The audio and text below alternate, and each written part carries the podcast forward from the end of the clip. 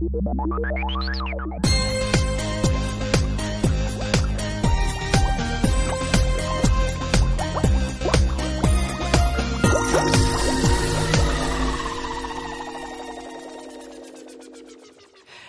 og velkommen til Rosa begerglass, episode fem. Hei, Gro. Hei, hei, Cecilie. Ja, er du klar i dag? Ja, vi er kjempeklare, vi. Ja da. Og vil jo starte egentlig med å, eh, å takke for alle de fine tilbakemeldingene vi har fått igjen. Det er så koselig å høre fra dere. Og jeg er jo veldig glad i statistikk, så jeg har jo sjekka litt opp eh, hvor mange ryttere vi har hatt så langt og sånn. Og kikka på den mest populære episoden. Det var jo den om orbitaler. Og det er jo så spennende. Ja. Så um, had, har vi faktisk snart 150 unike lyttere på den episoden. Det er jo helt fantastisk bra, Ja, altså. veldig. Og det, folk For jeg, jeg tror ikke vi har så mange studenter. Nei, jeg tror vi har, vi har en liten fanskodd eh, her også. Ja, vi har Kanskje. det, Vi kan altså. håpe, i hvert fall. Ja, vi håper. Så det er artig. Veldig bra. Og det er jo så koselig å høre også at, eh, at dere hører på vei til skolen, og folk hører opp igjen to ganger. Åh, det, det er så koselig. Ja, det varmer et lærerhjerte. Ja, det gjør det. Ja, det gjør det.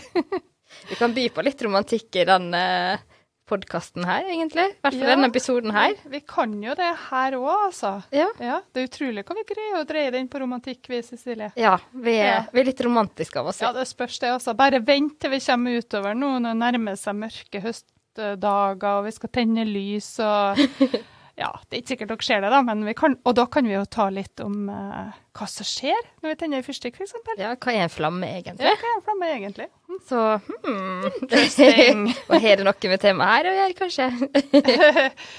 Ja, du må jo faktisk ha en gass til stede da, for å tenne fyrstikk. Det går ekstremt dårlig hvis du ikke har oksygen til stede, i hvert fall. Ja, det er absolutt. Ja, det Og gjør det. eh, Så hvis du skal få ei fullstendig forbrenning, da, som jo faktisk da må til for å tenne fyrstikk, så må du ha nok oksygen til for å få den her flammen, da. mm. Det må du.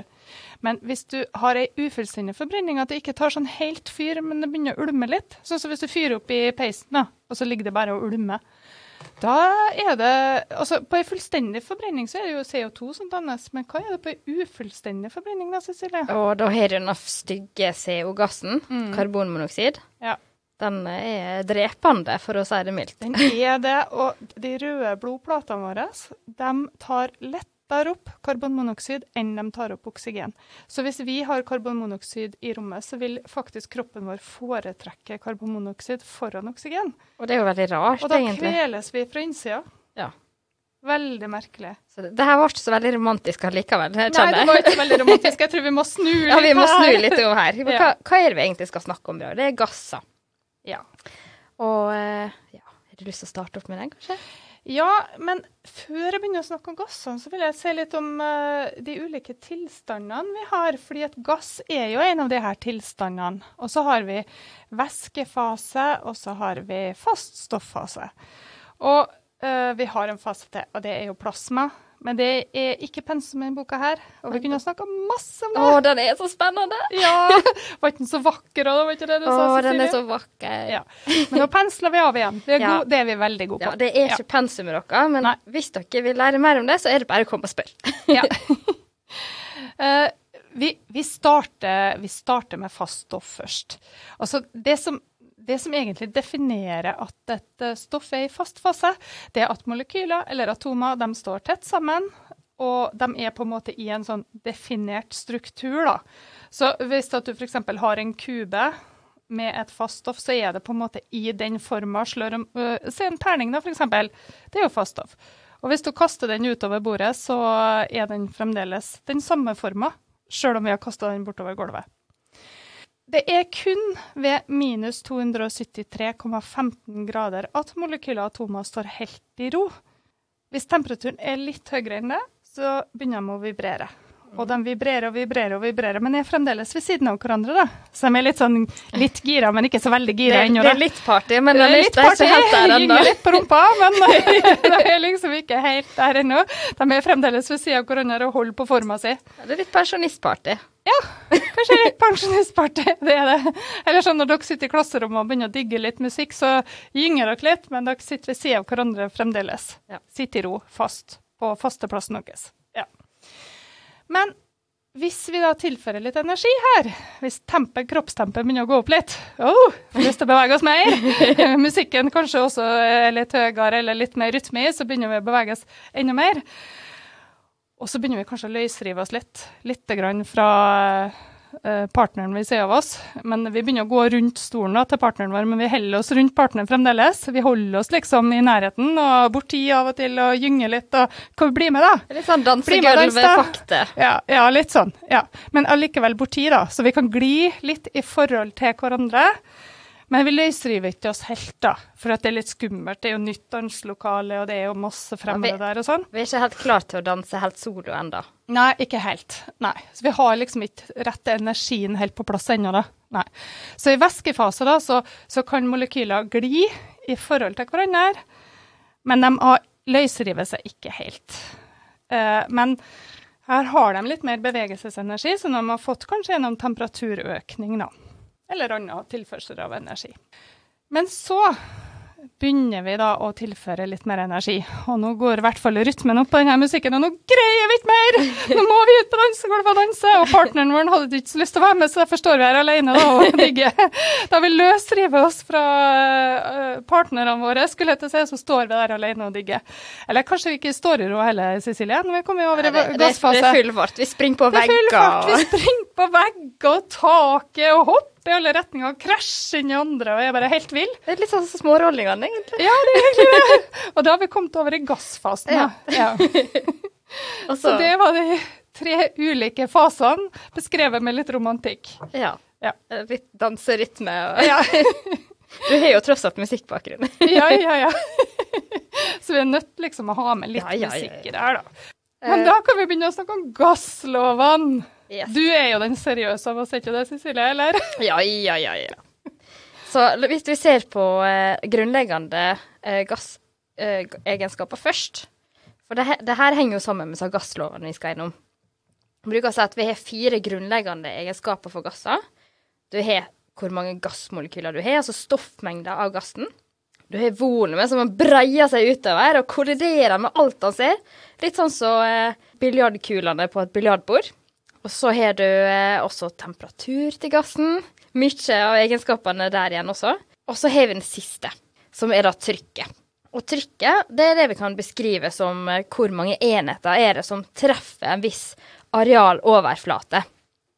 Og vi kan jo føle litt eh, trykk på sjøl òg. Føle at det er noe tungt som presser på, så blir det veldig trykk. Så det her egenskapene, de fire egenskapene, stoffmengde, volum, trykk og temperatur, det her har en sammenheng. Faktisk flere sammenhenger. Og de kan vi beskrive i disse enkle gasslovene. Du har Boyes lov, du har Charles lov, du har Avogadros lov. Og Guy Le, Le Ja. Og som til sammen summerer opp til denne ideelle gasslova. Hvis du går gjennom disse enkle gasslovene først, da. Hvis vi tar Boyes lov først, så beskriver den sammenhengen mellom trykk og volum. Og da liker jeg å, å se på dykking som et eksempel. Se for dere at dere dykker. Ved overflata så er det ca. trykk på én atmosfære. Og så dykker dere videre ned i dypet til ca. Ja, 20 meter i dyp. Så vil dere oppleve at trykket det vil øke. Trykket øker per 10 meter, i tillegg til at trykket fra, fra alle vannmolekylene som tynger det ned, det vil også påvirke til å få opp trykket. Og så sier jeg at du er litt anspent og er litt uh, spent på det å komme seg opp til overflata igjen, og så holder dere pusten. Dere holder pusten fra 20 meter til overflata, og sier at det er mulig at dere er så flinke å holde pusten. Så vil det oppstå litt av dum sammenheng, egentlig. For vi har jo sammenheng mellom trykk og volum. Så når vi da har at, at vi går fra trykkøkning, altså tre atmosfær, til lavere trykk opp med eh, overflata, til én atmosfær, så har vi da fått en trykkreduksjon fra tre til én, altså vi har redusert trykket med tre. Problemet da er bare at volumet det vil, det vil derimot øke med tilsvarende like masse. Og hvor er det vi har volumet her hen? Jo, vi har gassene i lungene våre, sant? De holder vi på. Og problemet er at hvis du holder pusten på vei opp til denne overflata, og trykker, det greppet sakte og sikkert, så vil volumet da øke tre ganger av det volumet du egentlig har. Så det, begynner å bli et problem. Det blir litt eh, trangt. Det blir veldig trangt under ribbeina, vil jeg tro. Hvis du skal øke lungevolumet tre ganger. det kan bli et problem. Ja. Så eh, da du tar dykkerkurs, så lærer du om boys love, og lærer at, det, at du, du må ikke glemme å, å puste når du drar opp mot overflata. Det er også vanskelig å unngå, egentlig, fordi at eh, trykket vil også gjøre at du vil puste ut. Det er i hvert fall greit å prøve å huske på. Prøv å puste rolig mens du drar opp mot overflata. Da går det mye bedre. Da går det så mye, mye bedre, vet du. Skal vi si noe om de andre lovene, kanskje? Skal vi se på sammenheng mellom temperatur og trykk, da? Ja, det kan vi. Ja. Det er jo sånn at de her gassmolekylene de er jo i konstant bevegelse. De har jo løsdrivelse fra de andre molekylene, og de er i konstant bevegelse til de treffer en vegg. Og når de treffer veggen, så er det da med en viss kraft på et visst areal, og trykket er per definisjon kraft per arealenhet. Så øh, jo flere gassmolekyler man har, jo større er trykket. Så er det sånn da, at farta de her gassmolekylene har, er jo da styrt av hva energi de har, hva bevegelsesenergi de har. Og hvis vi tilfører energi i form av temperatur, så vil jo da de her eh, gassmolekylene bevege seg masse, masse fortere. Og da krasjer de mye ofte med veggen, og da øker også trykket. Så hvis vi f.eks. da tar eh, ei eh, gassflaske av et eller annet slag, det kan være ei hårsprayflaske f.eks., og så hiver vi den på et bål, da går det ikke så veldig lang tid før det smeller så det suser. Og det er jo rett og slett fordi her gassmolekylene blir så oppvarma og får så stor fart at de krasjer hele tida, og til slutt så greier ikke den her metallbeholderen å holde imot trykket lenger, og så eksploderer det. Så øh, det er ikke så kjempelurt å hive sprayflasker på bålet. Vil For- ikke anbefale det. Vil ikke anbefale, for dere vet ikke hva retning eh, det her eh, eksploderer. da. Ja, det kan bli Det er ganske skummelt. Så her er det da en direkte sammenheng mellom trykk og temperatur.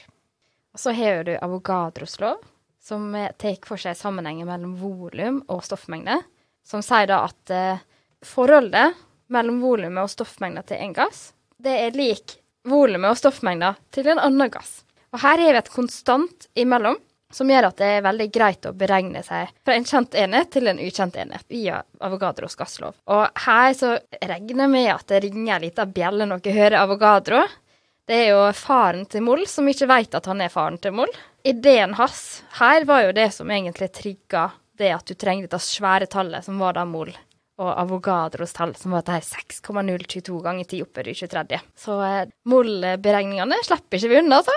Nei, vi gjør nok ikke det. Og det, det vil også henge utover hele semesteret også. Målberegninga er så sentralt. Så det, det gjelder å få seg masse mengdetrening på det. Da blir du ordentlig god på det. Det blir man. Men og, også når det er snakk om molgass, da, så er det litt viktig å tenke på at størrelsen på gassmolekyler har ingen betydning for hva volum de opptar. For det er bare den her eh, farta de krasjer i veggen med, som har en betydning. Og det, det er nettopp det Avogadro fant ut av. At selv om du har tre helt ulike gasser, så lenge du har akkurat like mye av dem, selv om molekyler kan være tre ganger så store i forhold til hverandre, så vil de allikevel oppta det samme volumet, fordi de rett og slett da får den samme farta. Fordi et molekyl er så ekstremt lett på en måte at eh, det vil, det vil på en måte ikke ha noe å si hva stort det er i forhold til hvor fort det treffer veggen. For de vil treffe veggen like fort hvis de har samme energi, hvis de har samme antall gassmolekyler, så vil det oppta akkurat samme volumet.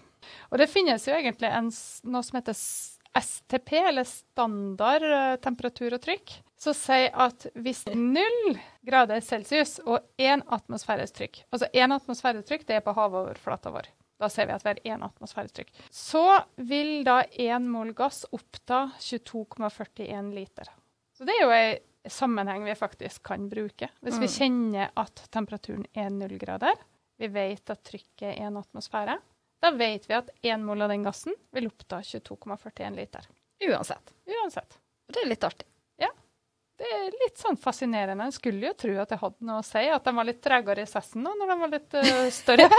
Men det er de faktisk ikke. De er like spretne uansett. Ja, Sprek uansett. Størrelsen har ingenting å si. Nei. Så kan vi se på eh, sammenhengen mellom volum og temperatur, som er da Charles lov. Og da eh, kan da vi begynne å snakke litt om eh, varmluftsballonger. Ja, kan dere tenke dere noe mer romantisk enn å sitte i en varmluftsballong og flakse over jordskorpa? Hva du sier Cecilie? Nei, det er på ingen måte romantisk i mine øyne, for jeg har jo flyskrekk. Jeg er jo ikke glad i å fly i det hele tatt. Å sitte der oppe i et fly som du ikke knapt klarer å styre, og du har ikke selebelte, du, du kanskje en stol hvis du er heldig. Nei, det er ikke noe romantikk i det. Og jeg ser bare for meg den der eh, kråka med spist nebb som kommer og så flakser inni oh, den her ballongen og stikker et hull. Da kan det fort gå ganske dårlig, da. Men har jo hørt Lite romantikk på de, de turene der, tror jeg. Jeg tror jeg holdt meg fast, da, for å si det sånn. Ja, det tror jeg hadde gjort, det òg. Jeg tror det har blitt en tur med fallskjerm i ryggsekken, i hvert fall. Absolutt. Men det som skjer her, da, det er jo det at, eh, at denne varmluftsballongen Her blir lufta rett og slett varma opp av en flamme. Og når den varmer opp lufta, så får den mindre tetthet. Og det som skjer da, det er rett og slett at den blir lettere enn lufta på utsida, som er kaldere. Og, er, og tetthet er jo det som på en måte bestemmer om eh, Ja, om du har to væsker med, hvis du har olje og vann f.eks., så vil jo den væska som er lettest, altså den som har lavest tetthet, vil ligge på toppen, og den som har høyest tetthet, vil ligge på bunnen. Og samme er det egentlig her med, med gasser. At tettheten har noe å si for hvem som da vil flyte høyest, på en måte, da, man kan kalle det sånn, eller sveve høyest. Så varme, eh, varm luft vil da ha lavere tetthet, og vil da stige opp. Sammen med det romantiske paret i varmluftsballongen. Ja. Så kan vi jo se på det her med partialtrykk. Se for dere at dere har ei gassblanding. Og så skal du prøve å ha litt oversikt over hva er trykket til hver enkel gass i ei blanding av flere gasser. Da trenger vi det her med partialtrykk. Partialtrykket, det er da helt enkelt, det er trykket til én bestemt gass i ei gassblanding.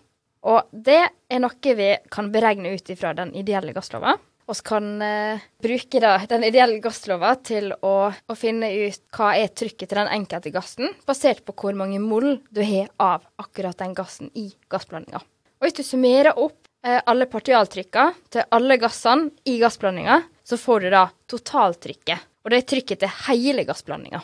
Så det er noe vi kommer til å beregne litt med framover. Ja, for det er jo viktig å tenke på det. For hvert enkelt gassmolekyl, også hvis at du har ei flaske med luft, så består jo den av 78% nitrogen, 21% oksygen, 1% argon og litt annet ruskerier av gasser. Og alle de gassmolekylene vil jo da påvirke den gassflaska med trykk. Så man kan ikke bare regne på oksygen og, og så ta ut den ene komponenten og si at det gir oss trykket i flaska. Så hvis man regner på luft, så må man faktisk ha med alle de komponentene og regne hva hver enkelt gass utøver på den flaska.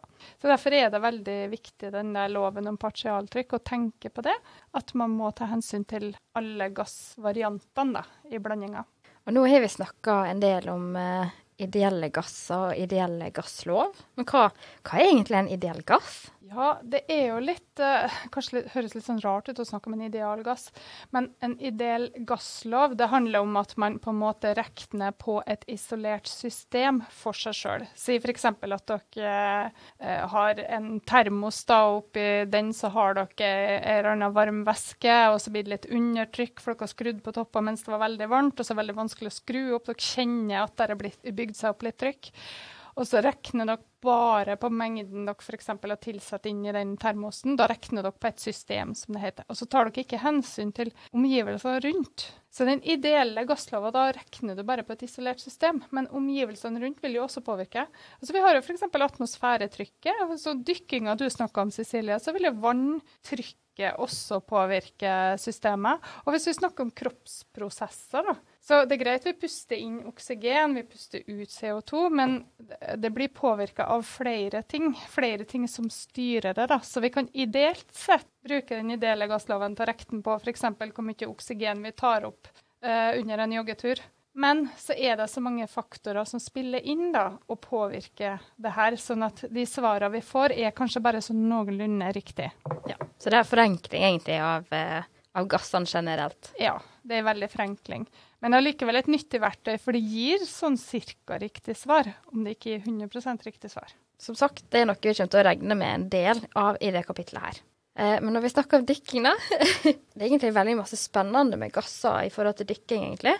Og for dere som, eh, som dykker litt, og skal dykke på litt sånn dypere bunner, typisk under 50 meter dyp, da må dere begynne å, å tenke over hva gassblanding dere har til stede og får tilført til lungene deres. For når en dykker, så får en litt mer komprimert gass. Du får flere moll av gassmolekyler enn hva som er vanligvis ved overflata. Og det kan skape litt trøblete situasjoner. Du må hele tida passe på at du har nok oksygen, at det ikke blir for masse oksygen. Eh, og at du blir oksygenforgifta, rett og slett. Så du må passe på at det blir rett partialtrykk på oksygengassen. Og så er det nitrogen, da. Det er jo et eh, kjempeproblem. Eh, spesielt hvis du dykker ganske langt ned. For hvis partialtrykket til, til, nitrogengassen som havner i lungene deres, hvis den overstiger fire atmosfærer, da har dere et problem. Da kan vi snakke nitrogenfylla. Det heter riktignok eh, nitrogennarkose, hvis dere har lyst til å søke mer om det. Hvis du får for høyt trykk av nitrogen i lungene dine, så vil du oppleve at du blir litt sånn Du blir litt ustø, du blir eh, ja, litt svimmel. Du vil etter hvert føle at du har fått litt for masse innabords, selv om du ikke har drukket noe. og det er rett og slett for at det begynner å opparbeide seg altfor masse med nitrogengass i lungene dine. Og da får du oppleve denne nitrogennarkosa. Så for å unngå det problemet her, så bruker de som dykker på, på ja, 50 meters dyp og så ned, de bruker en annen gassblanding i gassbeholderen. De bruker ofte noe som heter heliox, der de har erstatta nitrogenen med helium. Så har du fortsatt oksygen og, og det du trenger, men uh, denne gangen så slipper du å, å ta hensyn til den nitrogennarkosen som du kan være i fare med å utvikle. da. Det hadde vært veldig artig hvis du kunne prate under vann da, når du inhalerer både oksygen og helium. Ja, det hadde vært kjempegøy å høre på. Jeg så et eksempel på YouTube der uh, de hadde bobla inn heliumgass i øla i stedet for CO2. Og så drakk de denne øla, og det ble jo bare festligere og festligere, vet du, fordi stemmen ble jo helt Donald Duck. Kanskje vi må prøve det? Ja, det spørs vi må teste det, altså. Ja. En gøy variant av uh, nitrogenfylla, da. Da tester vi det heller med helium uh, i øla. Ja. ja. Uten alkohol? Uten alkohol, selvfølgelig. Vi har det gøy uansett. Vi, ja, ja, klart vi har det. Vi trenger ikke alkohol nei, for å ha det gøy. Nei. ja, uh, så da har vi vært oppe i lufta. Vi har vært nede i, ned, dypt nede i sjøen. kanskje vi skal bevege oss litt mer opp mot landjorda og se på systemer i oss sjøl. Se på det her med ja, lungene våre. Der er jo veldig aktuelt med gasser. Gassutveksling med oksygengass inn, og så puster du ut CO2-gass og igjen litt vanndamp. Og... Men hva skjer egentlig hvis vi får feber? Hva skjer med lungevolumet vårt da? Ja, det er jo litt interessant. Men det var så jeg sa at sånn, nå snakker vi helt sånn ideelt sett, fordi vi har noe som heter celleånding også. Men hvis vi ser litt vekk fra det, da, så kan dere tenke på denne ideelle gassligninga som sier at PV er, lik NRT. Altså vi har trykk, vi har volum, vi har antall mol gass, vi har gasskonstanten og vi har temperaturen. Så hvis vi har alle disse her parametrene, så er jo T det står jo for temperaturen, og den er 37 grader. Og hvordan påvirker det da enten lungevolum eller oksygenopptak hvis temperaturen stiger? Det kan dere prøve å teste på hjemme. Dere kan prøve å sette opp denne varmen se hva skjer ved 40 grader. Og hvorfor føler vi oss så sliten når vi har 40 grader feber? Altså, hva, hva, er det som gjør at vi blir så innmari sliten? Det er ikke bare å springe opp ei trapp da, eller springe en uh, hel maraton. Kan vi klare bare en halv, Cecilie? jeg veit ikke helt. Jeg tror jeg, jeg tror jeg, må kanskje skryte på meg mer enn ti kilometer, i hvert fall. Jeg kan skryte på meg en halv kilometer, tror jeg.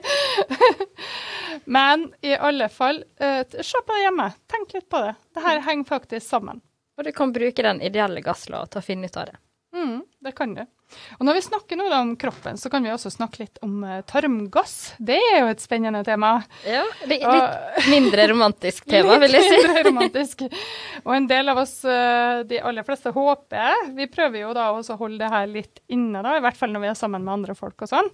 Men sjøl om vi gjør det, så slipper vi ut bortimot en halv liter i døgnet med tarmgass. Og tarmgassen den består jo av eh, metan, den kan bestå av hydrogensulfid. Hvis vi har spist egg, så er det hydrogensulfid som lukter, og den lukter råttent egg, altså. Skikkelig fis, skal jeg ta si. uh, men også en del andre gasser. Og det som er litt interessant, da, det er at veldig mye av de gassene her er det ikke vi som produserer. Det er bakteriene i tarmen vår.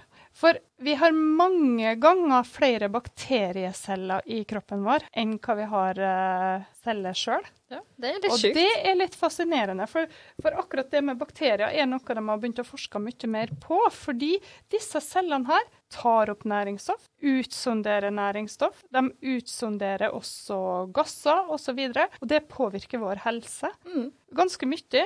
Det finnes, bare for å gi ett eksempel, så finnes det en uh, dysfunksjon som heter fruktosemalabsorpsjon. Litt vanskelig navn, kanskje. Men det er rett og slett en tilstand hvor man mangler et enzym som kan frakte fruktose inn i tarmen, sånn at det kan bli spalta. Uh, fruktose finner vi jo i bær, frukt, grønnsaker, er kornprodukt. Alt som er godt. Eh, hvis man mangler det enzymet, da, så vil fruktosen gå rett ned i tykktarmen, og der er det masse bl.a. E. coli, og de blir så happy. Yes! Sukker! Fruktsukker! Da blir de så fornøyd. Og de tar opp det her, og de produserer masse CO2. Og den CO2-en den går da opp igjen, hvis man ikke slipper den ut, da, selvfølgelig. Men da går den opp igjen i tarmsystemet og skaper store magesmerter for dem som har det her. Så dem som har det her, de må rett og slett unngå å ete så mye produkter med fruktose i. Da. Så da er det egentlig ikke kroppen i seg sjøl som uh, gjør denne tilstanden, det er faktisk de bakteriene som produserer for mye gass pga. at det går uh, ren fruktose ned i tykktarmen, i stedet for at den blir spalta lenger opp i tynntarmen. Så gass til besvær. Gass til besvær, altså. Det er det. Og sjarmen med tarmen og sånn. Altså, den eh, tarmen, det, det, er fantastisk interessant. Og det kunne vi snakka masse om. Ja. Fordi at det kan påvirke både kroppsvekt, det kan påvirke humøret vårt, psyken vår, det kan påvirke Appetitt. appetitt. Det kan på... Det, Ja. Det, det er ikke måte på. det er ikke måte på. Men det var ikke dagens tema. Nei, nei, nei, nei. Nei. Men det er jo Vi prøver å holde oss på spennende. matta. Vi sliter litt med å holde oss Ja, på men det er jo så matta. masse spennende! Eh, men OK, la oss fare opp i atmosfæra atmosfæren igjen, Ja. og utforske litt gassene der. Ja. Eh, atmosfæren er jo ganske god blanding av forskjellige gasser. Og her igjen så er det gasser som vi er helt avhengige av for å kunne leve her på jorda. Det er jo f.eks. ozongass, som er O3, som er da som beskytter oss mot UV UV UV-lys fra sola. Den ozongassen da, den er jo litt sånn svakt lyseblå. Så i blåtimen, da blir jo alt så blått og vakkert, spesielt om vinteren. Og det skyldes at vi ser litt av denne ozongassen eh, når vi kikker litt sånn ut i horisonten. Som på dagtid så ser vi også litt blå fjell baki der, men da skyldes det noe som heter Rileys lysdiffraksjon, så spalter lyset sånn at vi ser mer blått enn vi ser de andre fargene. Men i blåtimen, da er ozon med rett og slett på å gjøre timen blå. Og det er jo den mest romantiske timen, ikke det, Cecilie? Å, det er så koselig! Det er så fint! Tenk å fyre i bålpanna i blåtimen og Åh, skue utover vannet. ligge under et varmt teppe. Ja, Ja. vakkert. Og det er masse å glede seg til framover nå, kjenner jeg. Det er det, altså. Og så tenker jeg også på Å, jeg gleder meg sånn til nordlyssesongen. Mhm. Nordlys også er jo veldig artig. Det er jo også gassforbundet, egentlig. Det, da har du eh, gasser som blir sendt ut fra sola, som krasjer da i atmosfæren og begynner å reagere med stoffene våre der. Så nordlys er egentlig en ja, reaksjon-krasj, eller hva skal jeg si. Men også så romantisk. Og jeg gleder meg sånn til å gå under stjernehimmelen og se på nordlyset framover. Det blir åh. Det er fascinerende, altså. Og her på Sunnmøre er jo nordlyset Ja. veldig vakkert. Det er det jo. Her òg. Her òg. I nord tror jeg faktisk det er enda mer spektakulært. Ja, Tromsø jeg har hørt det er så fint. Mm. Og hvis vi først holder på å bevege oss litt ut fra jorda, da, så så jeg en sånn litt artig fun fact som jeg faktisk ikke var klar over i min voksne alder. At Jupiter, som er den femte største planeten, den består faktisk aller mest av gasser. Så det kalles the gas giant. Det var sånn Ja, hvordan har den formen sin da? Hvordan går det an? Den er så mange ganger større enn jorda, og så er det rett og slett bare gasser. Den har en liten, hard kjerne innerst, som består da av litt mer eh, fast masse. Ellers er det gass. Og så har de måner som driver og surrer rundt den i tillegg. Ja. Utrolig fascinerende. Utrolig fascinerende Ja, det går veldig. an, altså. Egentlig gasser er veldig spennende, egentlig. Ja, Jeg må si det. Ja, da tror jeg vi egentlig kan eh, begynne å runde av. Det tror jeg vi kan. Jeg Jeg, håper vi- dere syns det temaet her òg var litt spennende. At det kan bli dratt litt ut av læreboka. Vi kan snakke litt om både kropp og dykking og Jupiter. atmosfæren og Jupiter og Masse spennende. Ja. Og jeg vil takke for at dere lytta på oss eh, en episode til. Veldig, veldig kjekt å, eh, som sagt, å få tilbakemeldinger fra dere, og at dere setter pris på episodene. Det er så koselig. og Vi får så lyst til å fortsette med det, da. Ja, det gir skikkelig inspirasjon. Takk for oss, og ha det bra! Ha det bra.